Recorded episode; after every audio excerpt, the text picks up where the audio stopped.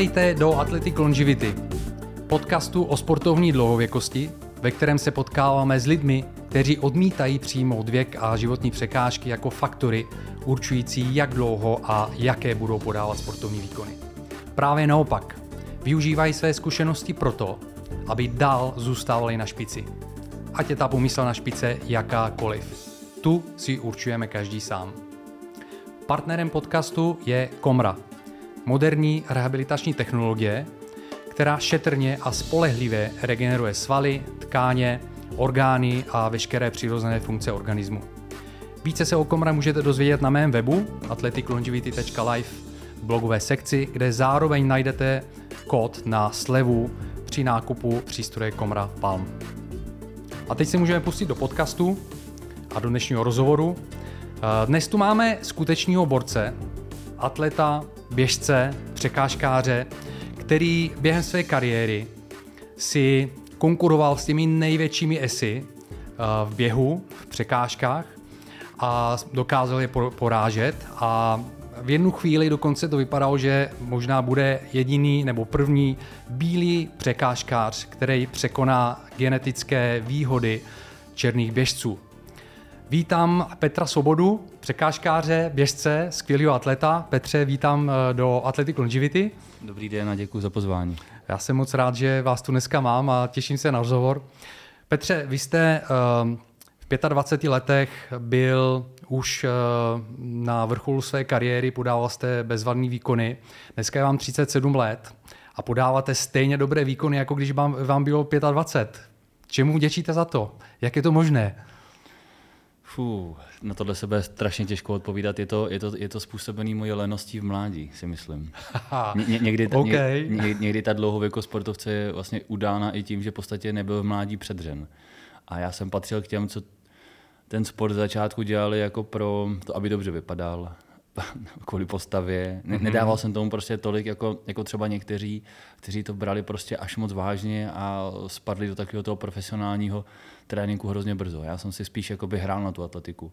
Dělal, mm-hmm. dělal jsem spoustu sportů kolem a myslím si, že to, to zapříčinilo moji jako dlouhověkost. Samozřejmě pak, když skočím v čase hodně dopředu, tak uh, i moje tříletá pauza v době, kdy jsem byl v podstatě na vrcholu výkonnostně, tak za, a v těch třech letech jsem vlastně nedělal nic jiného, než jenom rehabilitoval. Tak to taky dokáže prodloužit ten život sportovní, ale jakoby je to super to žít. Kolikrát člověk nemá ten recept na dlouhověkost a přizpůsobuje se každým rokem na to svoje tělo opotřebovaný a zkusí s ním žít a hledá symbiozu, tahá za jeden pro vás. Je to v podstatě neustálej jakoby boj s bolestí, s pochopením toho těla, ale není na to recept, podle mě. Já, mm-hmm. jsem, já jsem si jakoby sám teďka vydedukoval recepty toho typu, že mám dva. Jako mladý jsem v podstatě, na mě nebyl vyvíjen tlak, jako je teďka, kdy v podstatě se urychlují talenti, chtějí, chtějí pouze a jenom mládežnický úspěchy, už se nikdo nedívá do budoucna, málo kdo teda. A to byla moje výhoda. A druhá výhoda je, že v podstatě jsem měl fakt jako dlouhou rehabilitaci. Mm-hmm. Znamená to, že eh, v těch 25 a v tom mládí eh, třeba jste ze sebe nedostával jako všechno, co jste opravdu mohl? Že jste tak trošku jako se šetřil? Byl jsem lempl. Byl jste lempl. Byl jsem lempl. A přesto jste měl takovýhle jako úspěch, nebo takovýhle jako výkony jste podával. Je to smutný na druhou stranu. Já to teď beru, beru tak, když, když se podívám třeba, že teď jsem zaběhl loni 13.39, je to čas, který jsem nezaběhl strašně let.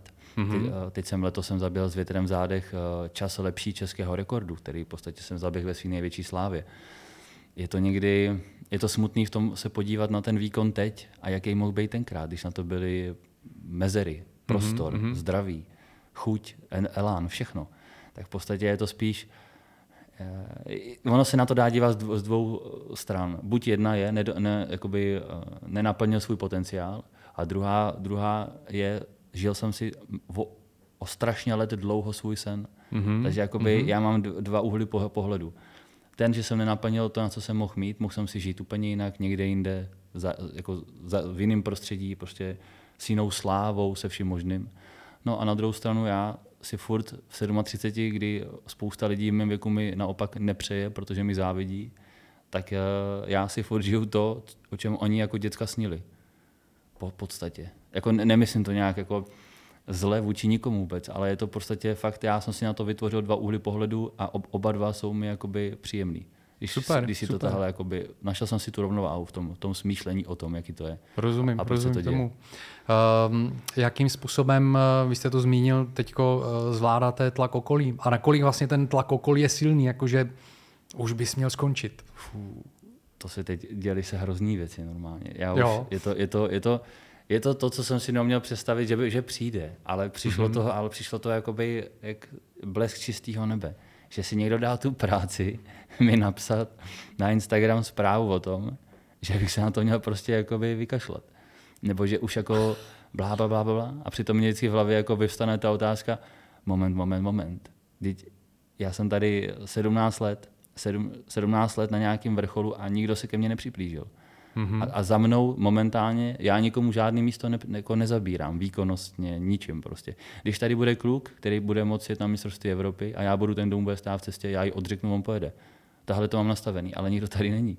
Nikdo tady ani, ani, ani není možnost si zasloužit takovou moji úctu k někomu, abych já něco odřekl. Protože furt, když já jdu na ten závod, tak vyhrávám furt v Čechách. A jsem furt konkurenceschopný i s tou evropskou špičkou.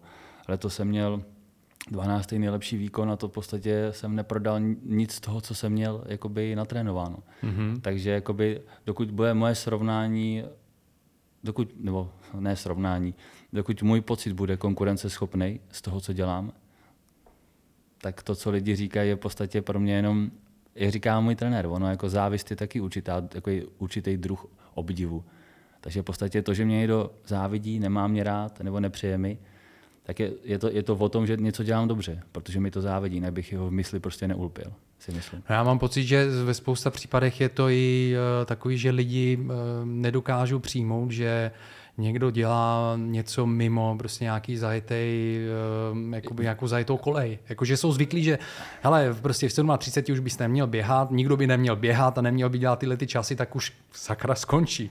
Jo, Jagr, jako v 50, proč hraješ, jako skončí. A já mám pocit, že oni na tom stejně, jako že říká, že prostě jako furt na to mám, tak proč bych nehrál? Je to tak, ale je to podle mě tím, že člověk soudím tebe podle sebe a když už já jdu do schodu a sotva mm. tam mhm. vylezu, jak ty můžeš běžet eh, překážky prostě. A je to podle mě z tohohle takový pohled vyvinutý jakoby těma lidma. Že si prostě jakoby nastavili ten pohled tohohle typu, že podle sebe soudím tebe a automaticky všechno, co já udělám nad, je v podstatě špatně. Běž, už to nemá smysl. A ještě nejhorší je, že někdo jakoby uh, mně se tohle to blbě vysvětluje, ale já furt cítím v tom těle, že je něco, co ještě může šáhnout na, moje osobní, na můj osobní rekord nebo na vylepšení českého rekordu. Furt to v sobě cítím. Otázka je, kolik sportovců tohle cítilo a muselo skončit kvůli zdraví.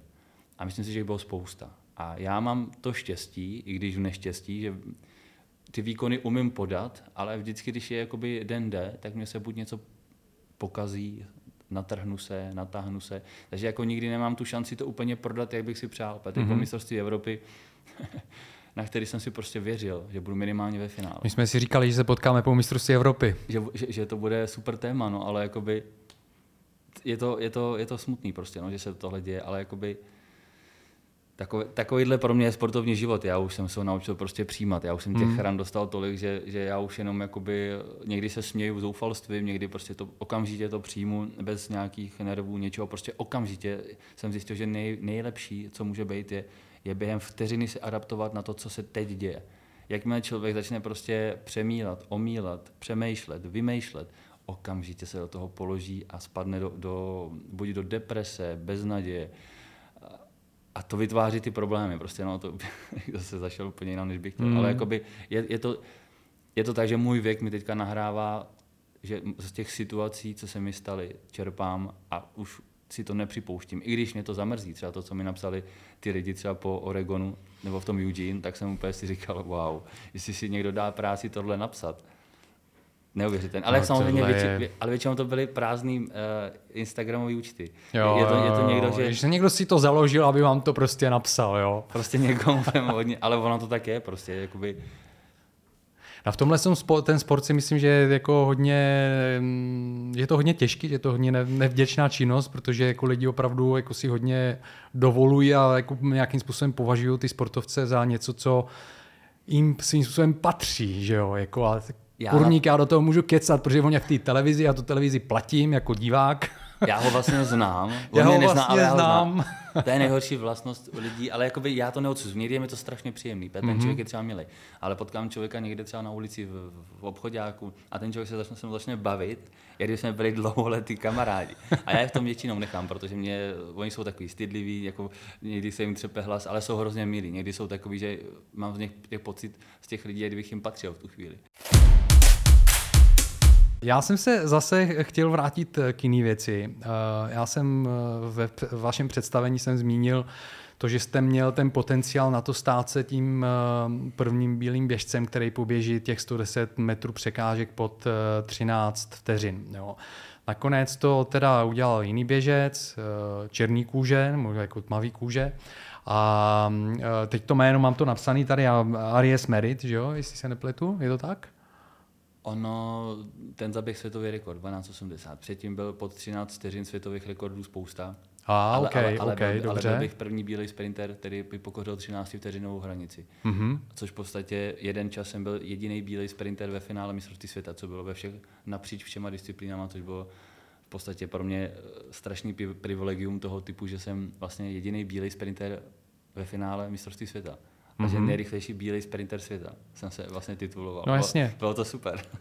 No já právě jsem se chtěl zeptat, a tak to je, to je nedostatek mýho, eh, mýho průzkumu, a chtěl jsem se zeptat právě na to, jestli vás to mrzí, ale na druhou stranu vy jste to teď řekl, protože jste byl jako jediný, který se dostal do té šestky, takže si nemyslím, že je co by vás mělo jako mrzet na tom.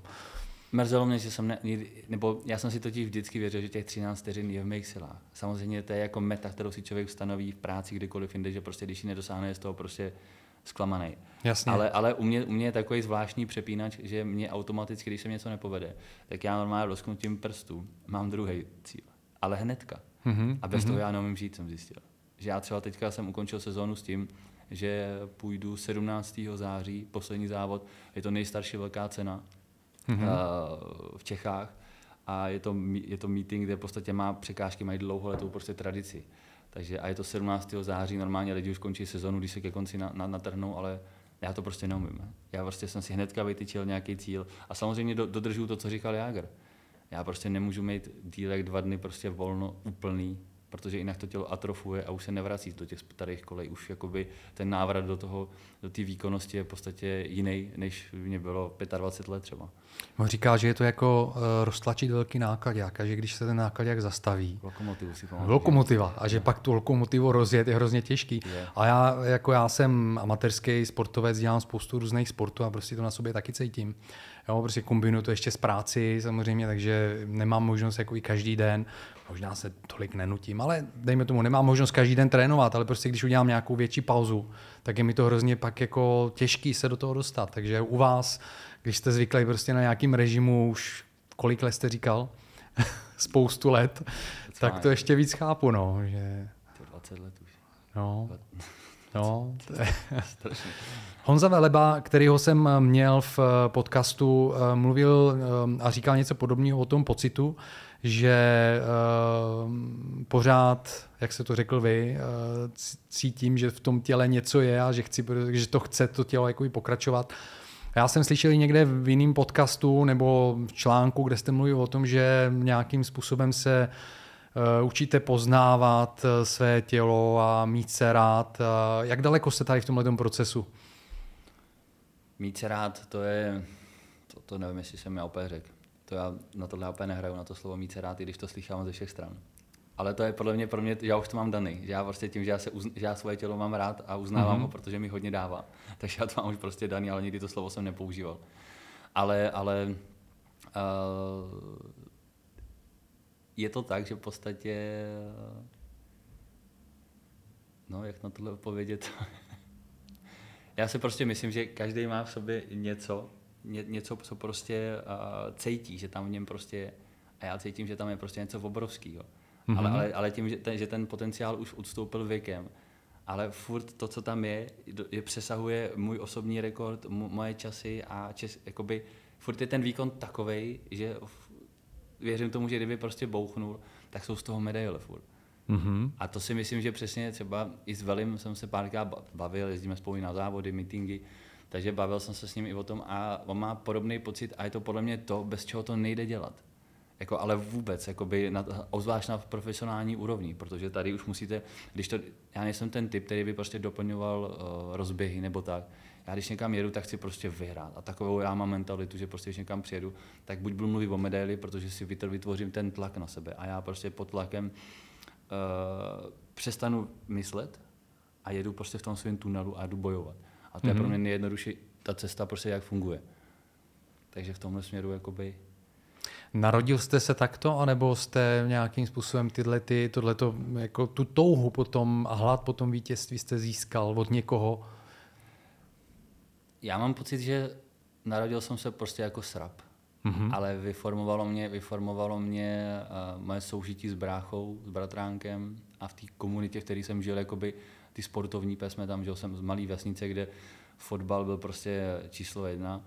A od toho se odvíjelo naše sportovní prostě vyžití v mládí, kdy jsme v podstatě soutěžili o to, Ježíš Maria, kdo dokopne dál balónem, kdo dohodí dál kamenem, prostě v tomhle směru jsem najednou začal jakoby, uh, nebyl jsem vůbec dobrý, mm-hmm. vůbec jsem Ve fotbale? Uh, tam jsem byl jenom rychlej, ale nebyl jsem takový ten... Já te... jsem někde četl, kopni to na Petra.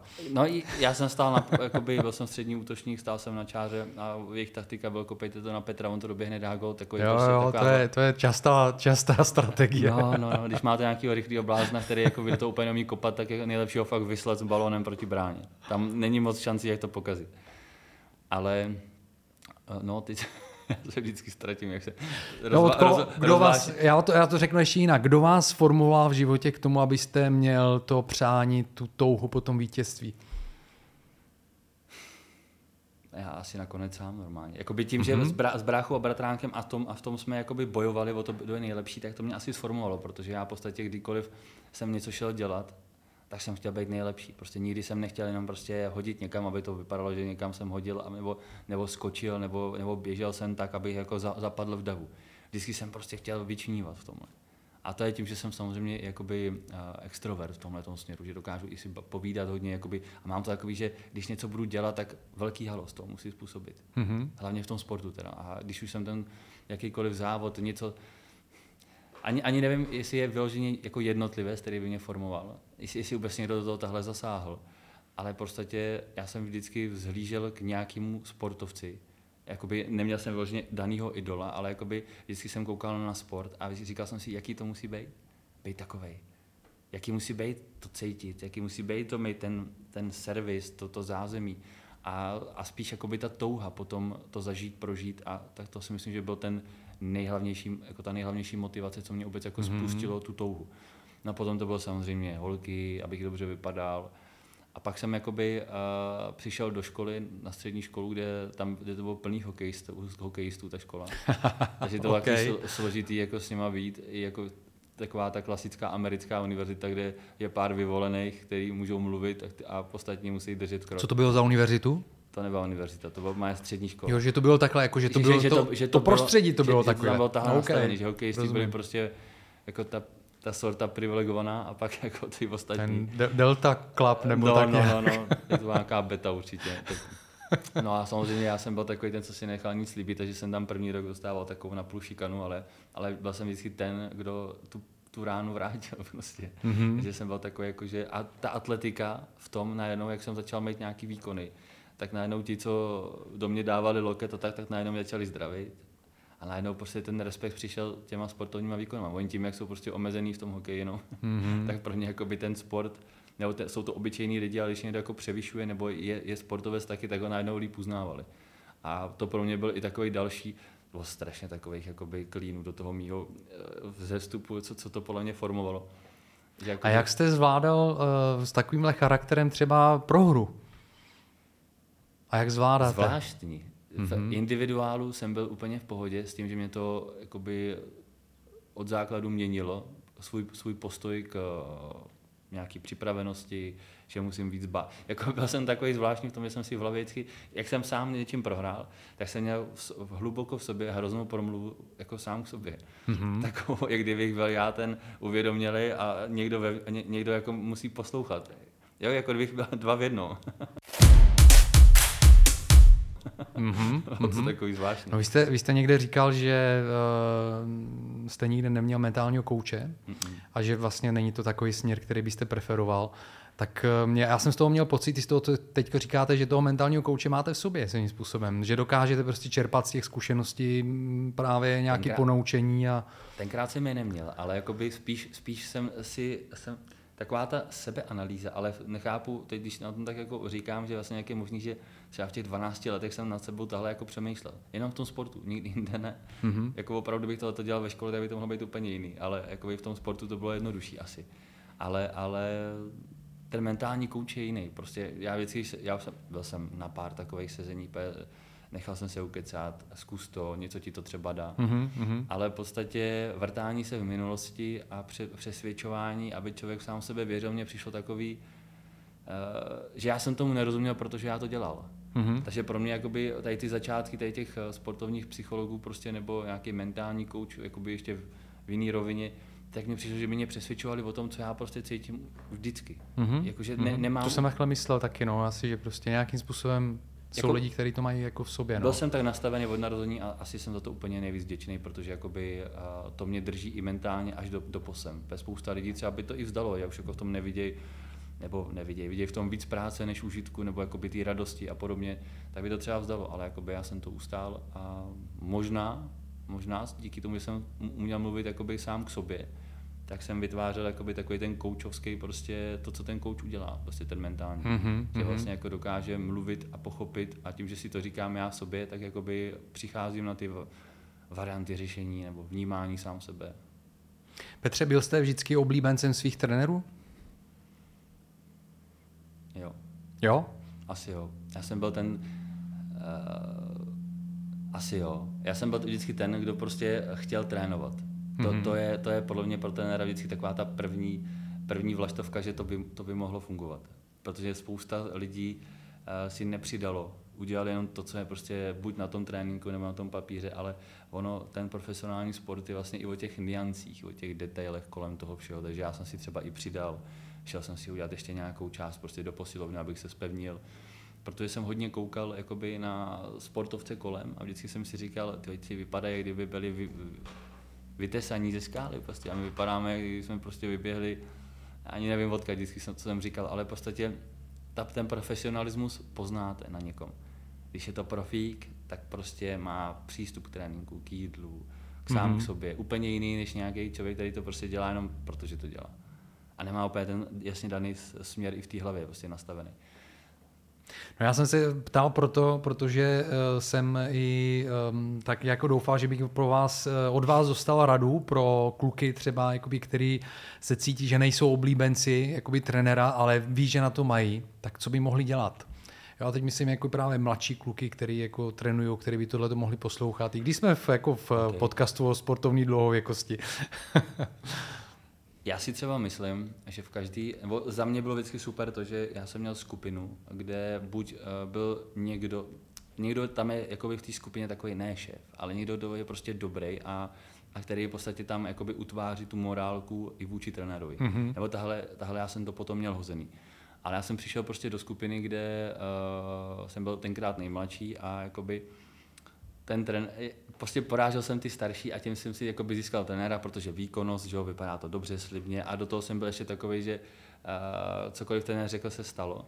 A vlastně, vlastně pro mě vždycky bylo nejtěžší jakoby uh, v té skupině si nepřipadat trapně.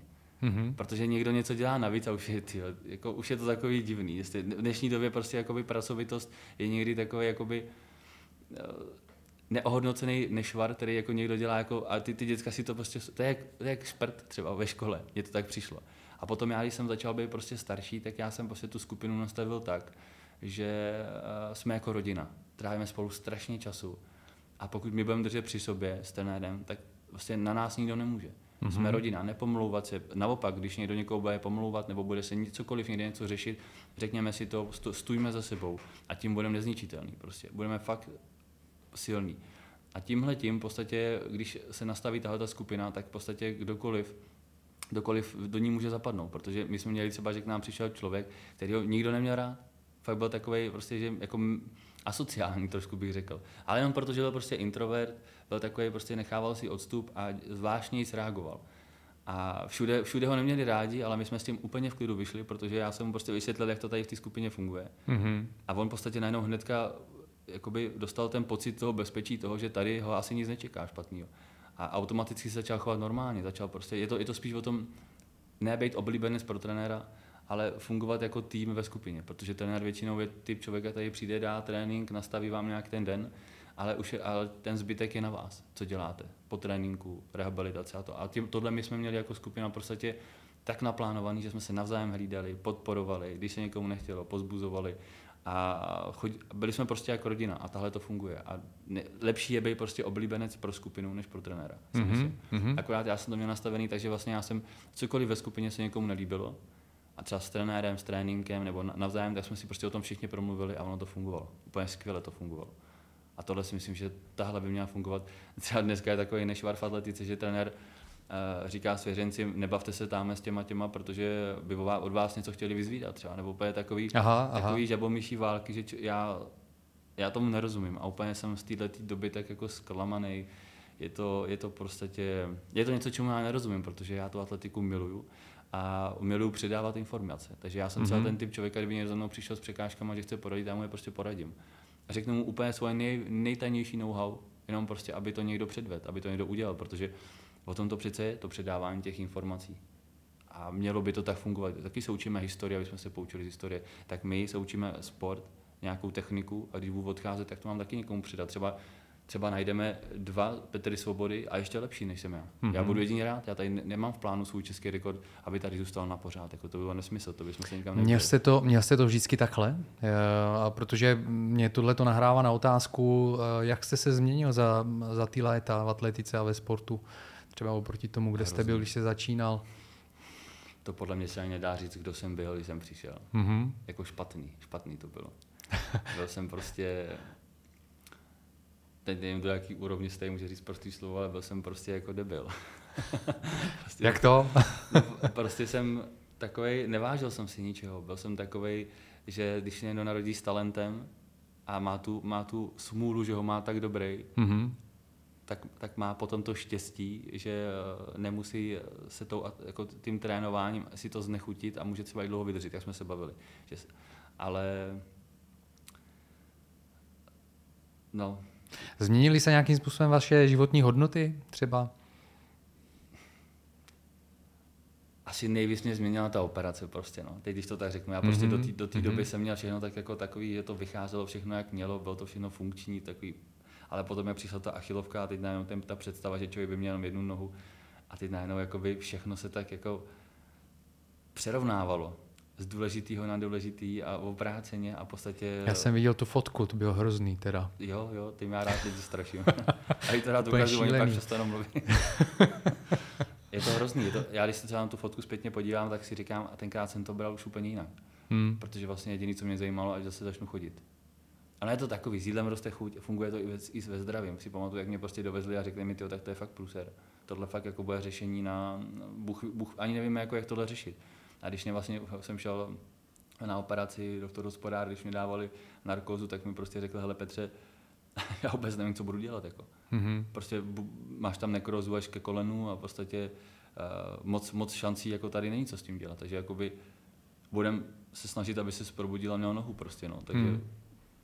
To, když vám někdo řekne před operací, tak... To si myslím, že se to pře- přehodnotí, přehodnotí člověk jako spousta věcí. Jo, jo, jo. Bylo to, bylo to, bylo to je, je zase pravda taková, že já byl normálně, nevím, jak jsem to udělal, ale, ale hodně dlouho jsem měl na autopilota a nebyl jsem u volantu. Mm-hmm. Normálně jsem fakt jako hodně dlouho popíral ten stav, který se mi děje, popíral jsem uh, dobu, která, kterou jsem tím strávil, v podstatě snažil jsem se nebejt u toho kormidla, abych prostě neviděl tu špatnou věc, co se, nebo i, i, i to všechno špatné, co se kolem mě dělo. Od uh, odepírání lidí, jakože v podstatě už mě skoro ani neznají, bez, uh, fů, strašný, prostě když někdo musí se doporošovat toho, co šlo v době slávy lusknutím prstů. Je to prostě šílený, jak je, jak je tahle ta doba prostě zaujatá jenom vůči nějakým úspěchu a hlavně známostem. Mm. Že bez známosti, bez úspěchu jste nikdo. Jste obyčejný podřadný člověk, který prostě si ni, ničemu v ničem ne, nedopomůže. Uh, to je, to je uh, jako docela, docela zásad, zásadní téma. A mě by, mě by zajímalo takhle, když, když tohle tu říkáte, spojujete si, protože teď jste říkal vlastně, jste zmínil své chování, jo, jako i v té době, nebo jak jste se koukal na život, jak jste přistupoval k životu. Spojujete si to, jste tenhle ten typ člověka, který se to spojuje, si to spojuje vlastně jakoby s tím zdravotním stavem? Máte tohle co takhle nastavený? Protože já to mám, jo, takže proto na to se ptám, jakože vlastně nějakým způsobem to tělo je nějakým způsobem nějaký radar, eh, dejme tomu nějakého nejenom psychického, ale i duševního stavu toho člověka je tady od toho, aby vám napověděl, hele, jdeš špatným směrem, musíš prostě trošku jako někam zahnout. Myslíte to takhle, když jste říkal, že zmínil jste sám to chování právě, proto mě to zajímá. No, já jsem zase nebyl úplně takový síčák. Já jsem prostě tě... To jasně, to chápu, ne, ne, to ani ne. nemyslím takhle, jo, ale, okay. ale prostě jestli to ta, jo, jako myslíte, že ta noha byla jako příliš velký trest za to? Jo, jo, jo. ne, ne, já si spíš myslím, tohle, tohle bylo prostě následek tréninku, který v podstatě jsme po zlatý medaili si mysleli, že uděláme obrovskou díru do světa a mm-hmm. že mhm. tohle bude ten rok, kdy poběžím po 13 vteřin a nechali jsme se trošku víc unést a začal jsem jakoby i trošku, když vám jde všechno lusknutím prstu, je těžko se v, na v tom rozjetém vlaku koukat na detaily prostě. Mm-hmm. Jo, to mhm. člověk frčí a jenom kouká, jak, ten, jak to všechno letí a nestihne prostě, nebo nestihne. Profe, 100% profesionál by to stihl. Ale já jsem byl takový 70% s tím, že jsem prostě hřešil na tady ty detaily a tak. Takže v podstatě Nechyběl vám ten, ten, ten mentální coaching tam v tomto případě? Nebo nějak, někdo, kdo by vám řekl, hele, zkus to takhle, spíš, nebo takhle. Spíš nějaký mentor. mentor. Men, takhle, mentor to myslím, ano. Tam mentor, který ono. by mi řekl, hele, tahle to nedělej, protože tahle se dostane do pekla mm-hmm. prostě, jakoby mm-hmm. s mhm. tím zraněním a se vším. Prostě je to, kdyby, kdyby někdo, to je právě to, co třeba já jsem jednou říkal, že bych udělal má projekt toho typu, že v podstatě každý sportovec, ale něco podobného, co vlastně děláte. Mm-hmm. Že v podstatě každý sportovec, co má co nabídnout ze svého života, ze svých zkušeností, hlavně z těch problémů, ze sportovní kariéry, tak v podstatě by měl říct všechno od A do Z, jak se jasně jakoby, eh, jak se choval k tělu, k psychice, k nohám, k, k, k slávě, k tréninku. Měl by v podstatě zkusit říct svůj, svůj recept na, na úspěch, na mm-hmm. zdraví a na to ale nebrat to jako by prostě ten, ten prostě to, to, to gro všeho, ale v podstatě naopak poskládat to, říkat to lidem a vyber si z toho svoji cestu. Ale vždycky je lepší napovědět, ne, ne říct, tahle to je. To je to samé jako někdo... Každý má svoji cestu. A každý hmm. jiný somatotyp. Jak, hmm. jak tělesně, tak mentálně. Takže jakoby každý si z informací z, zvenku uděláme svůj obrázek. Nemůžete nikomu vnucovat svůj obrázek pohledu. Takže v podstatě já, když někoho, mu někoho učím třeba výběh z bloku nebo přeběh překážek, tak mu říkám, jak bych to dělal já zkus to vnímat, ale najdi si svoji cestu. Jenom tahle by se to mělo dělat správně, ale ty to udělej tak, abys cítil komfort toho těla. Že ono prostě má nějaký prostě pohybový věm, nějakou prostě něco naučeného. Tahle by to v podstatě mělo být. Mm-hmm. Milí posluchači, dovolím si menší přestávku, kdy vám řeknu několik slov o Komra terapii, což je partner Athletic Longevity – Komra je rehabilitační technologie pro osobní použití, to znamená, že v praxi se jedná o malý osobní přístroj, který každý člověk může používat v pohodlí svého domova k tomu, aby poskytoval sobě i svému organismu velmi účinnou stimulaci k rehabilitaci a k regeneraci organismu. Komra je neinvazivní, je zcela bezpečná je velmi efektivní, protože používá prokázané fyzikální modality, které se v medicíně a ve fyzioterapii používají již dlouhá léta. Jedná se o laser, barevní světlo, magnet a ultrazvuk. A díky kombinaci těchto čtyř modalit je komra velmi účinná v tom, aby stimulovala například tvorbu adenozin trifosfátu v buňkách, v mitochondriích, což je vlastně, jsou energetické elektrárny eh, buněk. Zároveň synchronizuje metabolismus buněk a stimuluje a pomáhá mezibuněční komunikaci. To znamená, že díky těmto svým vlastnostem komra pomáhá organismu, aby se dostal do optimálního stavu pro to, aby mohl dělat to, co sám umí nejlépe, aby se léčil a regeneroval. Komra se tak dá používat pro léčbu zranění, po, pro zotavování po nemocích, pro překonání únavy, pro svalovou stimulaci před výkonem a v dlouhodobém hledisku komra velmi pozitivně působí na organismus proto, aby organismus zůstal v optimálním stavu do co nejvyššího věku. Takže nepřímo tímto pomáhá, abyste dosáhli sportovní dlouhověkosti. O Komra si můžete přečíst víc na mém webu athleticlongevity.live v blogové sekci eh, nebo v takzvané sekci Jak na to je několik článků o tom, jak já sám používám komraterapii a určitě si tyto články přeštěte, pokud vás toto téma zajímá a najdete v nich zároveň i slevový kupon na nákup přístroje Komra Palm, což je přístroj, pomocí kterého se poskytuje komraterapie. Díky a vraťme se k rozhovoru.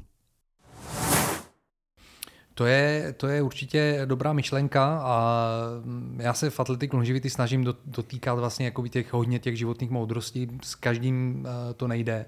Někdo má prostě příběh, který je víc takový jakoby technický, dejme tomu, já nejdem do takové hloubky to, co sdílíte tady, si myslím, že je velmi, velmi důležitý a doufám, že uh, to bude spou- jako poslouchat, ne spousta, ale budou to poslouchat ty lidi, kterým to skutečně pomůže. Protože podle mě i to je součástí toho receptu té dlouhověkosti. Jo? Jako vůbec, jak říkáte, vztah k tomu tělu, vztah prostě k psychice. A, a podle mě největší klíč k tomu je opravdu, aby se člověk dokázal poučit jakoby z těch věcí. A u vás to vidím tak, že skutečně jste si z toho bral co nejvíc prostě se dalo. Ale mohlo to být... Po té cestě. Mohlo to Vždycky být, to mohlo být. Ne, asi, mohlo no? to být jednodušší v tom, že mohl být někdo, kdo v podstatě mi řekl, co a jak a kdy a proč. Mm-hmm. A toho já jsem neměl. Já jsem měl super trenéra, který na mě byl jakoby měkký, ale zaplať pán za to, protože zase ta dlouhověkost, mi teďka jsem za ní rád. Mm-hmm. Ale, ale, ale v podstatě já jsem si to vyzkoušel na svém bráchovi protože vlastně on je o x let mladší a v podstatě myslel jsem si, že když mu řeknu svoje všechny problémy, co jsem zažil, co jak jsem udělal špatně, že on už tou cestou nepůjde. Pak můj táta hrozně rád vždycky říkal, tam kam ty jdeš, v podstatě já už se vracím. Mm-hmm. Je to v podstatě pravda. Te, můj táta prožil to, co já teprve prožiju a on už prostě, když mi ty rady dával, tak je to na úkor toho, abych já tu louži obešel, ne abych prošel tu louží. Abych věděl, že příště musím obejít. A tohle to jsem řekl svým bráchovi v rámci atletiky, v rámci všeho, prostě tě ve zranění, když jsem něco cítil já, jaký to bylo, co bych pro to měl udělat, komu bych měl zavolat. A on mi řekl úplně jednoduchou věc, ty ale nebude lepší, když já si na to přijdu sám. ono, je to, ono je to strašně těžké jako házet hmm. ty perly těm lidem a ve skutečnosti ono je strašný malý procento lidí, kteří jako budou jak, ono je to těžký, jak slepá ovce jenom na základě informací půjde mým směrem. Hmm. Ale přitom ta chyba ho mohla nasměrovat na mnohem lepší cestu. Je to takový zvláštní, že v podstatě jako už spoustu krát jsem se snažil lidem jako říct, hele, tudy jsem šel a bolí to tam. Hmm. Jo, pojďte to jinou cestou, protože tím ušetříte třeba pohybový aparát. Ale těžko si tomu někomu vysvětluje jako, proč by to měl dělat? Jako jenom, že mě to bolelo, třeba on takový není. Třeba on je ten bytelný, který to vydrží, tady tu, tu dřinu. Takže jakoby ono žít, žít jakoby z minulosti a předávat ty informace, aby z toho někdo jako profitoval, je, je těžký v této době. Obzvlášť Ono, já si myslím, že je rozdíl mezi informacemi a znalostmi, jo? že vlastně informace můžete člověku dát informace, říká se, že informace jsou peníze, OK, třeba to funguje jako v některých případech na burze a podobně, okay. jo, ale prostě znalosti jsou opravdu, když si člověk projde nějakou zkušenosti a to je skutečná prostě znalost, jo, jako, takže... Ale málo do toho cení. Na druhou stranu rozumím bráchovi, ale je pravda, že, že spousta věcí si člověk může asi ušetřit a prostě dostat se možná k těm znalostem dřív, lepší cestou, nevím, jo, ale, ale respekt, že to tak má no, brácha. Pro mě bylo zásadní vždycky to, že je spousta cest, co vede do Říma. Aha. Je úplně jedno, jakou si zvolíte. Je důležité, abyste tomu cíli došel. Takže v podstatě, proto já říkám, že já bych vám řekl svůj příběh. Vy si z toho vezměte to, co prostě vám bude příjemný, ta informace a s tou pracujte. Protože těžko, těžko v podstatě z, z vyprávění někoho, co něco prožil, zažil, brát to jako muster. To je hmm. nejhorší problém. Že někdo trénuje přesně jako trénuje tam a někdo v Americe. on dělá jenom tohleto, tak to pojďme dělat taky. Jo, to je taková ta slepota vůči informacím, které jsou dané jenom, že nikdo nezná ten kontext toho, co on tam pustí, co on řekne. Ale tak to prostě chodí. No. Hledání chyb je kolikrát jednodušší. Jo, jo, asi jo. A možná i zajímavější, je, je. zábavnější. Uh, Výborný. Já se, uh, Petře, přesunu možná na otázku tréninku. Mě by zajímalo, uh, jakým způsobem trénujete dneska. Uh, jaký, jaký je váš, trén, váš tréninkový plán, kolik si toho nakládáte třeba, možná i dokonce takovéhle podrobnosti by mě zajímaly, jako jaký váhy zvedáte a podobně. Okay. tak trénink je teďka takový, že mám vlastně, já mám totiž nového trenéra zase, jsem změnil. A to je trenér, s kterým jsem už spolupracoval před pěti lety a s kterým jsem měl vlastně medaily v 33 letech, což už tenkrát byl takový posun. Jsem mu tenkrát říkal oživovač mrtvol. jo, jo, to jsem někdy četl. no, no, jo, da- Daniel Hejret.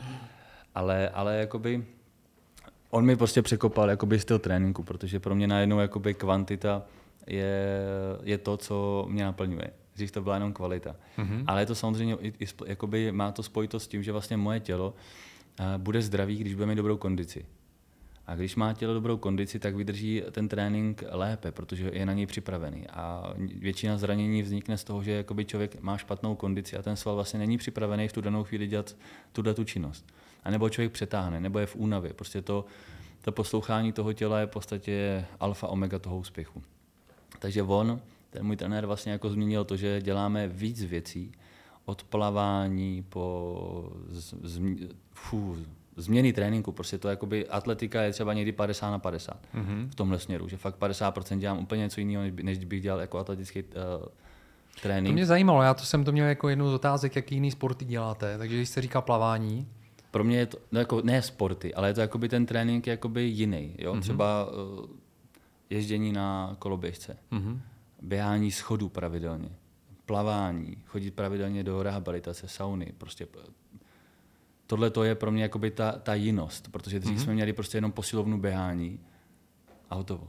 Jsem tam nějaká masáž, ale jakoby teďka je to takový, že já jdu, běhám žebříky na zemi, jakoby takový ty frekvence, jo, to střídání. Jo, jo. Jdu schody, které jsou prostě buď jsou dlouhý, kvantitativní, nebo jsou krátký, dynamický. Běháte ty schody na ty dukle? Na dukle i na letný. To je hrozný na ty dukle. Ty, já je mám radši na ty dukle. Ne, třeba, třeba na ty, na, na ty letný to je, to je šílenost. Prostě tam je 12, dokonce úplně ze spodu 15 plat a že jsou to takový s tím me, mezi, mezi platama tam. Jo, jo, jo, Takže to jo. se strašně blbě běhá. Nemám to rád, ale jakoby pro mě jako sprintera je, je, jsou schody to nejdůležitější pro mě, co mm, Věřím být. tomu, věřím tomu. Takže v tomhle směru, jo, schody. a takové funkčnosti typu, nevím, no, zase nevím, jestli tady úplně můžu vyzradit všechno. No nemusíte, ale třeba ty schody mě zajímají, jo? jako kdybych si já chtěl zlepšit třeba stovku, jo? tak... Uh... Pro, pro mě to je základ normálně, okay. fakt, protože mm-hmm. vlastně když si člověk představí, tak v jakém, v jakém úhlu běží ty schody, v předklonu mm-hmm. a všechno. Mm-hmm. A teď, kdyby to vzal normálně uh, jakoby, a přiložil to k rovný jako k zemi, ano. jakoby třeba k tartanu, v jakém úhlu on běží ty schody, tak vlastně to máte vlastně, že jakoby napodobujete ten běh 30 metrový, ten v předklonu dynamický, frekvenční, tak tahle vlastně v podstatě těch 30 metrů vlastně je to, je to Ježíš, abych to nějak nedrmolil. Prostě schody je průprava na 30 až 60 metrů prostě běhu. Mm-hmm. Je to síla a podle toho samozřejmě, jak jsou ty schody dlouhý a samozřejmě ty eh, schody na Dukle to je extrém. To v podstatě vyběhnout šestkrát nahoru, podle mě v jakýkoliv rychlosti je, je, je, že tam člověk jako eh, kolenama třese i rukama. A co byste mi teda doporučil? Jako kolikrát, v jakém režimu ty schody třeba? No? Fů, dobře. tak kdy, když pomineme rozcvičení klus abeceda, protažení na stadionu. Jasně. Pod jednu rovinku. A potom jít na schody a dát si třeba, aby, aby bylo dohromady devět. Mm-hmm. Z toho uh, třeba bych šel do půlky jednou po jednom, jednou po dvou, jednou po třech schodech, mm-hmm. by se člověk rozběhal. A potom bych dal šest celých mm-hmm. a z mhm. toho, že bych šel třikrát, třikrát jakoby op jeden schod jenom, rytmicky vyběhnout a pak třikrát se snažil prostě jako rychle. Okay. A tohle to je trénink, který podle mě, když někdo udělá, tak mu potom posledním doběhu bude zvonit v uších ještě v autě, až bude sedět domů. máte, máte trénink eh, kratší a intenzivnější, nebo máte jakoby další tréninky? Teď je hodně móda jako v těch vlastně sílových sportech, že takový krátký intenzivní sport, eh, teda tréninky. Uh, jak, to, jak, to, jak to míváte? Je to různý. Je to, to, různý. Je, je to různý. Třeba posilovnu je, je to podle toho ty návaznosti na, na další trénink. Takže mm-hmm. třeba když jdu běhat rychlost, tak mám jenom uh, di, tu tonizační posilovnu, takovou dynamickou krátkou. Když jedeme v objemu a jdu druhý den třeba nějaký běhání, tak ta posilovna má třeba fů, někde až dvě hodiny. Mm-hmm. Ale to je mm-hmm. samozřejmě i daný tím, že se snažíme, že se snažíme jakoby i uh, protahovat, mm-hmm. odpočívat. Protože Protahování je hrozně jako pro mě důležitý, protože jako to je asi možná velká část toho, že se nezranit no v jistém věku je to v no. podstatě, ta elasticita je tak důležitá, mm. že a ještě ono taky, já vždycky říkám, že třeba po 30 už ty svaly trouchní lehce, takže mm-hmm. je mhm. potřeba je furt jako protahovat a prokrovat, takže jakoby pro mě, když je dvouhodinový trénink, tak v podstatě furt, já jsem u něčeho opřený, protahuju achilovku, různě se tam, furt se protahuju v podstatě. Furt se snažím, aby to tělo prostě bylo v té v komfortní zóně toho typu, když nedělám něco, co prostě jakoby v rámci tréninku, tak se furt snažím prostě být v komfortu. Prostě i, i ta psychika mi na to funguje. Když se fakt cítím dobře a nic, mm. nic nejde, mm. nejdu přes sílu, tak to funguje. Ale, ale dvouhodinový trénink je pro mě vždycky takový už jako, je to moc. Mm. Třeba hodina, hodina a půl, i ta hodina a půl už je možná i moc, ta hodina je úplně nejlepší. To jsou nejlepší rychlostní tréninky když jdu do treter, tak to je v podstatě do hodiny je trénink hotový. A jo, člověk, jo, jo. i když je to namáhavý, tak prostě člověk odchází psychicky naladěný. Nejhorší jsou ty tréninky, které vás jak fyzicky, tak psychicky unaví. A ty zdeptají. Jsou, zdeptají, tak to je, to je největší šílené. Co činky, co váhy? Jako děláte nějaký deadlifty, předpokládám, z dřepy a podobně? Já jsem na posilovnu, jakoby, eh, nám to na tom trošku postavený, na ty posilovny, hmm. na ty síle, protože fakt patřím k těm jakoby silnějším atletům, a pro... No s Honzou Velebou jako jste fakt korby, oba dva. no on je, on je o centimetr větší jak kýbel na vodu, ale jinak je dobrý. Ne, já si to já rád dělám srandu. Ale, ale, ale je obrovský, jakoby, on fakt, jakoby, já si ho pamatuju v době, když nevím, kolik nám bylo celně 25, jemu bylo pod 25, tak byl takový uh, ehm, hubený, takový prostě sprinter s nějakou postavou, ale byl hubený a teďka fakt je, je na, nařezaný. Mm. Taky, taky v podstatě už, uh, ono i tím věkem prostě na, uh, tu rychlost doháníte jakoby silou. Ale jakoby on je v tomhle tom expert zrovna. Jakože s tou posilovnou on hodně jakoby laboruje, přemýšlí nad tím a myslím si, že jako tohle má dobře, dobře jakoby eh, hozený. A rád se si někdy hecu na, na osobáky typu přemístění, trh, dřepy ne, já, jak jsem vysoký, tak pro mě jakoby ty páky jsou tam trošku jiný než pro ně, mm-hmm, takže v tomhle mm-hmm. on je prostě dobrý.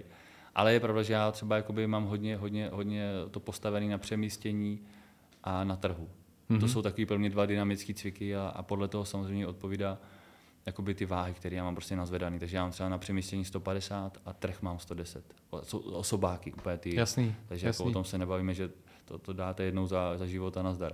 Ale Takže bench třeba jako ne, Mám osobák asi... 150, ale taky mm. z, mhm. doby, z doby, kdy v podstatě... Víte co? Jsou určitý váhy, které zvednu o půlnoci. Mm-hmm. A, to, mhm. a to je třeba 120 na přemístění, a nevím, teď třeba 110 na, na bench kdykoliv. Mm-hmm. Takže v podstatě tahle to tělo už mám prostě nastavený, ale samozřejmě e, přísedy byly pro mě jednu dobu strašně důležitý, že ta, že ta dynamická síla, ale samozřejmě e, ty přísedy už jsem na, na, jakoby, e, změnil za leg pressy. Už hledám takový ty cviky, které v podstatě e, jsou stejný jako s činkou na zádech, nebo prostě takový ty více kloubový, který v podstatě můžu ošidit strojem, nebo něčím, co, čím úplně nezatížím ten pohybový aparát. Takže mm-hmm. jakoby snažím se spíš hledat teď už ve věku, v mém věku jakoby věci, které mi co nejméně škodí. Ale samozřejmě jsou jo, dny, jsou dny, kdy si člověk musí šáhnout na tu velkou činku, na tu těžkou činku a pokud možno otočit tam ten osobák. No. Mm-hmm. Snažit se o to teda. Chápu.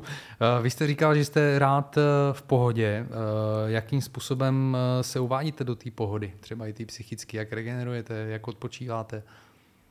Uh, já jsem typ, který díky, díky tomu svému všemu zranění vyrostl na filmech hodně. Mm-hmm. Takže pro mě jakoby se stal úplně největší relax, jako jít do kina nebo zapnout si film. A nebo prostě si povídat si svou úžasnou přítelkyni, která v podstatě je taky takový super hromosvod někdy. No.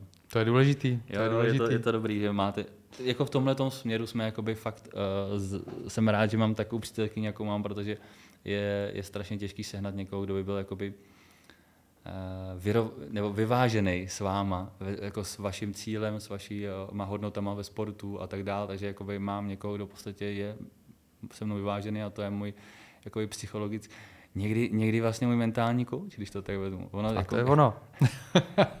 Mně se nechce, ale musíš a takový prostě někdy to funguje, no. Uh, vy, jste, vy jste zmínil, jak jsem si tak jako četl nějaké věci o vás, tak, o vás, tak uh, když jste řešil tu achilovku, tak vlastně vím, že vás někdo i posílal za nějakýma léčitelama a podobně, to jste někde možná i říkal v nějakém podcastu, který jsem poslouchal. Uh, jak se k tomu tady stavíte, k té alternativě vůbec? Vůbec, vůbec jako nechci, nepoužíváte? Slyšet, jo? Prostě. OK, OK, ne, protože to mě já, zajímalo právě. Já jsem, jsem zažil strašný peklo v tomhle. Já jsem měl fakt smůlu, mě tam posílali lidi, kteří který kterým jsem prostě věřil, který pro mě mhm. byli jakoby, měli ten morální... do toho kre... Srbska na tu, na tu placentu? Víte, ne, jak chodí fotbalisti? Ne, ne, ne, ale jakoby spousta lidí, co u mě měli jako obrovský morální kredit, jakoby fakt pro mě byli i jakoby, měl jsem úctu k těm lidem, tak mě poslali k člověku, jsem si vždycky říkal, bože můj, jak, jak, jak, jak ten člověk mohl být u tohohle člověka a, a cítit se tady dobře. Ale prostě pro mě to spíš bylo to, že Uh, jsou problémy a jsou problémy. Jsou problémy, které vy máte jakoby prostě máte hodně práce, všeho a prostě vy si to vytvoříte sám, ten tlak, ten problém. V podstatě tahle já to občas vidím.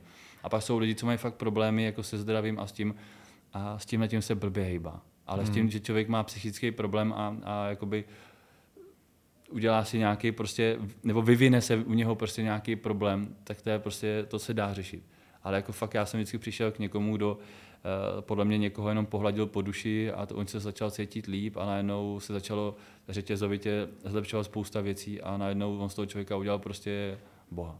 Mm-hmm. No, že pak přijde někdo, kdo v podstatě má fakt jako problém, který je medicínou neři, neřešitelný, jakákoliv prostě léčba uh, propadla a teď mě pošlou k někomu, kdo vlastně někoho jakože uzdravil jenom tím, že buď, si, buď se na ně hezky smál, nebo mu tady prostě udělal příjemný nebo chvilku tady nad ním tahle čaroval, že mu posílá energii.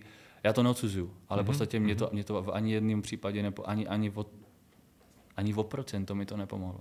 Ne, ne, nevím, možná někdo, někdo mi tenkrát řekl, že jsem vůči tomu byl uzavřený, ale to není pravda. Já jsem byl tonoucí, co se z té byla chytá. Takže na, na mě, když někdo mluvil a slyšel jsem slovo uzdravit, tak jsem byl teda na 100% eh, pozorný.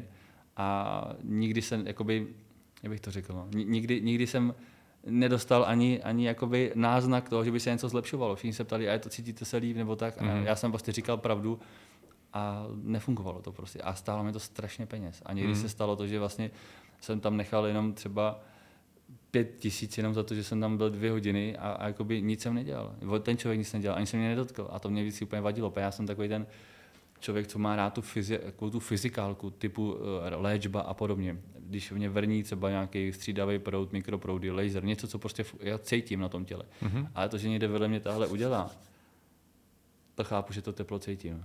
Mm. A nevěřím tomu člověku, že mě něco vysává. Ně, někomu prostě hřejou ruce. Prostě je to takový, až moc všechno jsem si dokázal odůvodnit, čím to je.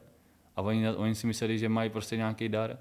Takže bylo to takový strašný někdy. A někdy, někdy to bylo až, až tak amatéristický, že jsem přišel a paní měla v ruce papír tam měla eh, přetištěný torzo těla a povídala si se mnou. A, ale úplně o ničem si povídala. Úplně debata o ničem. Úplně, eh, až jsem si říkal, bože můj, co tady dělám. A ona po těch pět minutách debaty, si, si se mnou povídala, si tam něco zaškrkala, koukala se, zase zaškrtala. Pak na mě otočila ten papír a řekla mi, a tam, kde máte ty černé eh, křižáky, tak tam máte problém v tom těle.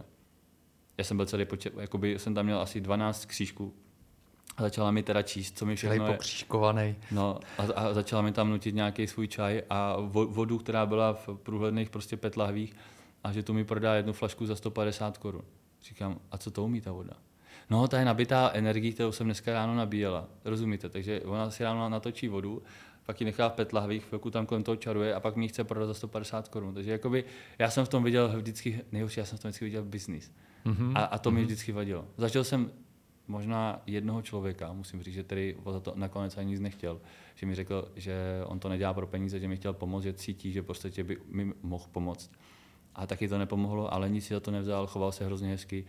A z toho jsem měl dobrý pocit, že prostě když někdo pomáhá, tak v podstatě dobře, já mu za to zaplatím, ale i to funguje. Ale nikdy se to nestalo, že nebylo co platit. Naopak jsem platil a stálo mi to třeba za jeden rok skoro až milion korun. Mm. Když jsem se jen tak jako díval zpětně a už jsem úplně si říkal, to jsem byl pěkný blb. Jako opravdu jsem, jsem si říkal, jak jsem mohl být tak naivní a všemu věřit. Ale je to tak. Jako, už chápu, proč jako spousta lidí nemocných naletí lidem, protože ono fakt, jako, když už člověk neví, co by pro to mohl udělat, tak udělá i to nemožné. Jo, to tam funguje určitě, no. Takže ta psychologie... Ale jak bylo to součástí vaší cesty, nějakým způsobem asi? Ono to má jednoduché vysvětlení. Já jsem za všechno rád, co se mi stalo. Mm-hmm. Ale úplně za všechno, protože každá věc, co se stala, měla za, jakoby za důvod, že jsem se jako třeba naklonil doleva. Pak jsem viděl prostě víc tom, tom, tom daném směru. Nebo prostě všechno, co se stalo, prostě je správně. A nebo to kecávat, je to tak. Jsem super, to... super, super. To je zajímavé, jako jak jsou tady vlastně vždycky, vždycky různý ty pohledy. Já jsem eh, teď nedávno eh, měl rozhovor, eh, který teprve budu vydávat s Josefem Váňou, s žokejem ten, ten zase prostě jako léčitelé energie, jo, to by celý, celý, celou tu sportovní kariéru eh, měl léčitelku, která prostě ho léčila. Hrozně rychle že se dostával z těch, z těch různých prostě průserů, který měl, že ho zalehl ten koň, zadupal ho a ten, ten kůň a vlastně byl jako skoro, skoro vlastně to nepřežil.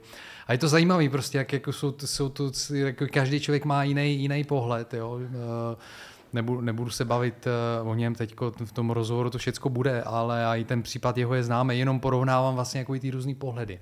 A proto jo. si myslím, že právě hmm. léčitel někdy eh, stačí, když tomu člověku otevře tu mysl, tu možnost, uvěří tomu, že i, i, v, i v sobě má tu lékárnu. Protože nejlepší lékárna je v těle prej. No ono se říká, že ne, ne, neléčí doktor, ale léčí Bůh, jo, takže jako je otázka prostě, no. jako ano, jako v smyslu toho, že máme ty schopnosti v sobě. Já e, sám razím tuhle tu cestu, že tělo je nejlepším léčitelem, že ví nejlépe, jakoby, co, co mu, musí udělat, akorát se mu musí dát ty podmínky k tomu, aby to mohlo udělat, jo, že vlastně tím způsobem, jak, jak žijeme, jak se stravujeme, jak se staráme o to tělo, prostě buď mu to podporujeme, nebo mu to nějakým způsobem potlačujeme. Hmm. Proto já si myslím, že někdy je důležitý třeba ten, jak mentální coach, psycholog, kdokoliv prostě umí pracovat s tím člověkem, aby se otevřel a jakoby přál si to uzdravování. A nebo prostě uh, aspoň mu otevřít natolik tu mysl, aby se aby se třeba i vydal cest, dobrou cestou toho léčení, mm-hmm. když už se ne, mhm. ne, jako nebude léčit sám nebo tak, ale jakoby, proto si myslím, že třeba mě léčitel nepomohl, protože já měl fakt problém, který nebyl ovlivněný, myslím si, ani tak mnou, jako tím, že jsem to nechal dojít až tak daleko a už je to prostě jenom na, na moderní medicíně, ta léčba.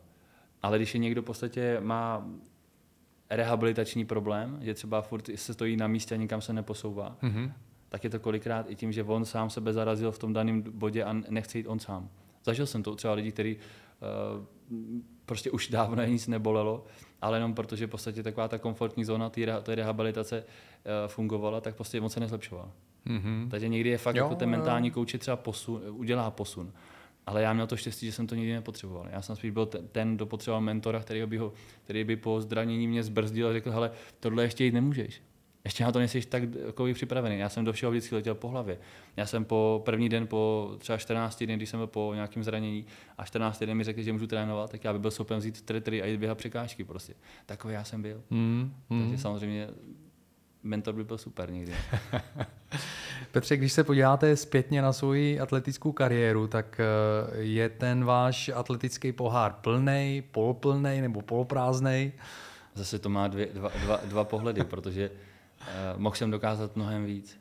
Mm-hmm. Mnohem víc výkonů, medailí, všeho. Ale zase na druhou stranu, tím, že doufám, že tady ještě dva roky vydržím a tu atletiku dělám vlastně fakt dlouho, tak zároveň eh, výkonnostně, motivací, přáním si všem, co jsem chtěl dokázat, tak je poloprázdný ten, mm-hmm. ten, ten pohár. Ale tím, co jsem prožil, zažil, tak je skoro plný. Takže jakoby otázka je teď, co je lepší. jo, to už je, jakoby do, do života, do budoucna je asi lepší, že je plný. Mm-hmm. Ale pro, pro ten lepší život by bylo lepší jakoby v, tý, v tom, jak to mám říct, abych se měl lépe, bezstarostně, tak možná by bylo lepší, kdyby byl ten druhý plný. No.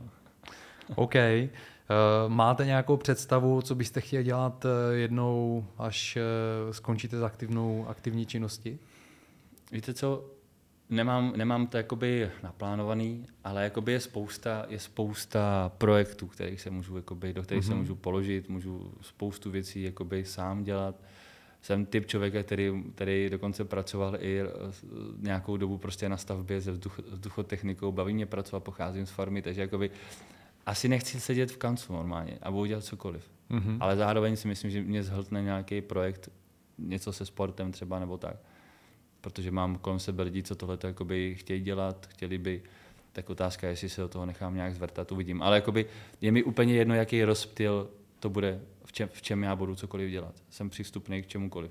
A tím, že to mám tahle nahozený, tak jakoby nic mě netlačí, protože ta práce je pro každého nějaká. Jasně, jasně. Měnil byste něco na své kariéře? Ano. Bylo by to... to máte hned odpověď, tak Mám, co by to mohlo na, být? Na, nad tím člověk přemýšlí hodně často. Když je, když je někde sám doma a říká si, tyjo, proč já jsem tenkrát neudělal tohle, tamhle to. Uh, zajímalo by mě, kdybych se dal na jiný sport, kdybych měl tu, kdybych měl tu jinou volbu prostě. Mm-hmm. Kdybych měl možnost prostě třeba hrát hokej, nebo zůstat u fotbalu, nebo dělat tenis, nebo prostě něco, když si říkám, co by kdyby, ale ale ty jsem se to zamotal. Hejte se, a nemělo by to, nemohlo by to být takový ten další projekt? Protože jako já nevím, tak 37, 38, 39, to pořád jako jste mladý člověk. Tak eh, já pořád mám, eh, mě eh, teď bude 49 za příští týden. Já pořád... To, to mě čeká dobrý, to, to vypadá dobře. No tak Ta, a pořád, pořád se chci pouštět do nějakých uh, sportovních uh, věcí, uh, jako samozřejmě, mm, jako as, nevím, ne, jako ne, nemám plány, prostě, že bych, kdybych mohl jako v nějakém sportu se dostat na olympiádu, tak možná bych to i zkusil. Nevím, v čem by to mohlo být, jo, jako už jako v tomhle věku už je těch sportů málo, který by mě i zároveň bavili, protože karling jako nechci třeba no, jako jasně, To. Nechci nikoho urazit, vím, že karling asi není jednoduchý, jo ale uh, spíš uh, chci říct, jako, že nemohl by to být další sport, jako by ten, um, to, co byste mohli jako potom dělat? Napadlo mě samozřejmě Bobby, jezdit, mm-hmm. jezdit Bobby, ale v podstatě Víte, co nevím, no. Samozřejmě já jsem typ člověka, že já se furt cítím mladý. A, ale zase ten sprint má určitý, určitý věk, kdy to už prostě jako úplně nejde. A samozřejmě s tím zdravím skloubit je to takový boj. Ale samozřejmě jsou sporty, které jsou jakoby uh, Ehm, který jsou schudný, no. ale ne, nevím, v kterým bych já se mohl realizovat, aby to dál fungovalo. Ale jako je to, je, to, napadne. je to zajímavá motivace přemýšlet o tom, co by mě ještě mohlo dál naplňovat. Uh, perfektní. Já mám poslední dvě otázky. Uh, asi první otázka je, bavíme se, bavíme se o tom uh, konci kariéry. Okay co by muselo nastat, nebo jako kdy, kdy, kdy si myslíte, že budete vědět, že už musíte jakoby skončit? Uh, první, co by bylo, kdyby, kdyby mě někdo tady v Čechách porazil. To byl první, to byl první impuls tomu, že okamžitě končím. Mm-hmm, okay. Druhý impuls je v tom, že eh, mám jakoby stanovenou olympiádu v, v Paříži jako takový svůj deadline. Ale samozřejmě, kdybych tam nějak byl do 12. místa, tak si ještě dozávodím rok po olympiádě, ale už jenom formou, for fun, že chci obět všechny meetingy, kam mě vezmou, mm-hmm. každou velkou cenu České republice bych chtěl zvládnout. Prostě fakt odzávodit si ten rok poslední v takovém v takový režii, že, mě, že z toho vůbec znechucený. Chci být furt někde na závodech. Okay. Abych toho měl plný kecky a podíval se tak a mám toho plný zuby, jdu pryč. Dále bych chtěl odejít. Ne smutně koukat na ten stadion a říkat si, wow, to bylo tak super, že bych se tam chtěl zítra vrátit. No, Nech, jako, nechci, ano. nechci odcházet s tím, že bych zítra chtěl znovu jít běhat. Chci od, odejít s tím, že půl roku nechci atletiku vidět. Třeba. Na, naplněný atletický pohár. No, no i, i s tímhle, no, bylo by to super. super, super. Uh, moc vám držím palce, ať, ať prostě to tak je, ať se dostanete i na ty další soutěže, kam chcete, na tu olympiádu samozřejmě, ať vám to prostě běhá. Poslední otázka, eh, kterou vždycky kladu nakonec mým hostům. Co byste zanechal tady za, jako odkaz lidem, kteří by chtěli právě zůstat na té své pomyslné špici co nejdéle? Já si myslím, že stačí jedno. A ono je to takový kliše, to každý to podle mě říká, ale je to má poslouchat to svoje tělo. Má najít, najít ten, eh, ten dialog s tím tělem, prostě naučit se ho vnímat, ale jakoby fakt si s ním povídat a zjistit, jako, že kolikrát ten člověk, co vám říká ten trénink, tak neví, jak se cítíte. neví, jak to funguje přesně teďka v ten den váš. Takže normálně, když budete poslouchat, tak musíte naučit i v rámci tréninku, aby vás poslouchali i druzí. Takže prostě poslouchat svoje tělo a nechat lidi, aby vás poslouchali, co říkáte. Tělem. Tělem. Tělem. Super. Petře, moc děkuju za hostování. Ať se daří. Ať se daří. A držím palce. Děkuji mnohokrát a děkuji za pozvání. Petr Svoboda byl naším dnešním hostem v Athletic Longevity. Eh, sledujte další pokračování, budeme brzy vydávat rozhovor a fanděte. Hlavně píkejte lajky, sledujte a tak dále. Mějte se krásně, ahoj.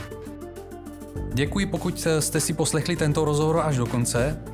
Mrkněte na web athleticlongevity.live, eh, kde najdete další zajímavé rozhovory o sportovní dlouhověkosti, nebo si podcast vyhledejte na Spotify, Apple Podcast nebo Google Podcast a určitě se přihlaste k odběru.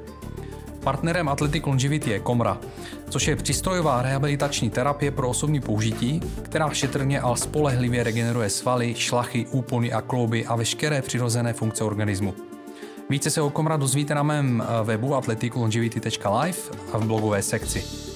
Děkuji, mějte se fajn a zůstaňte na špici. thank you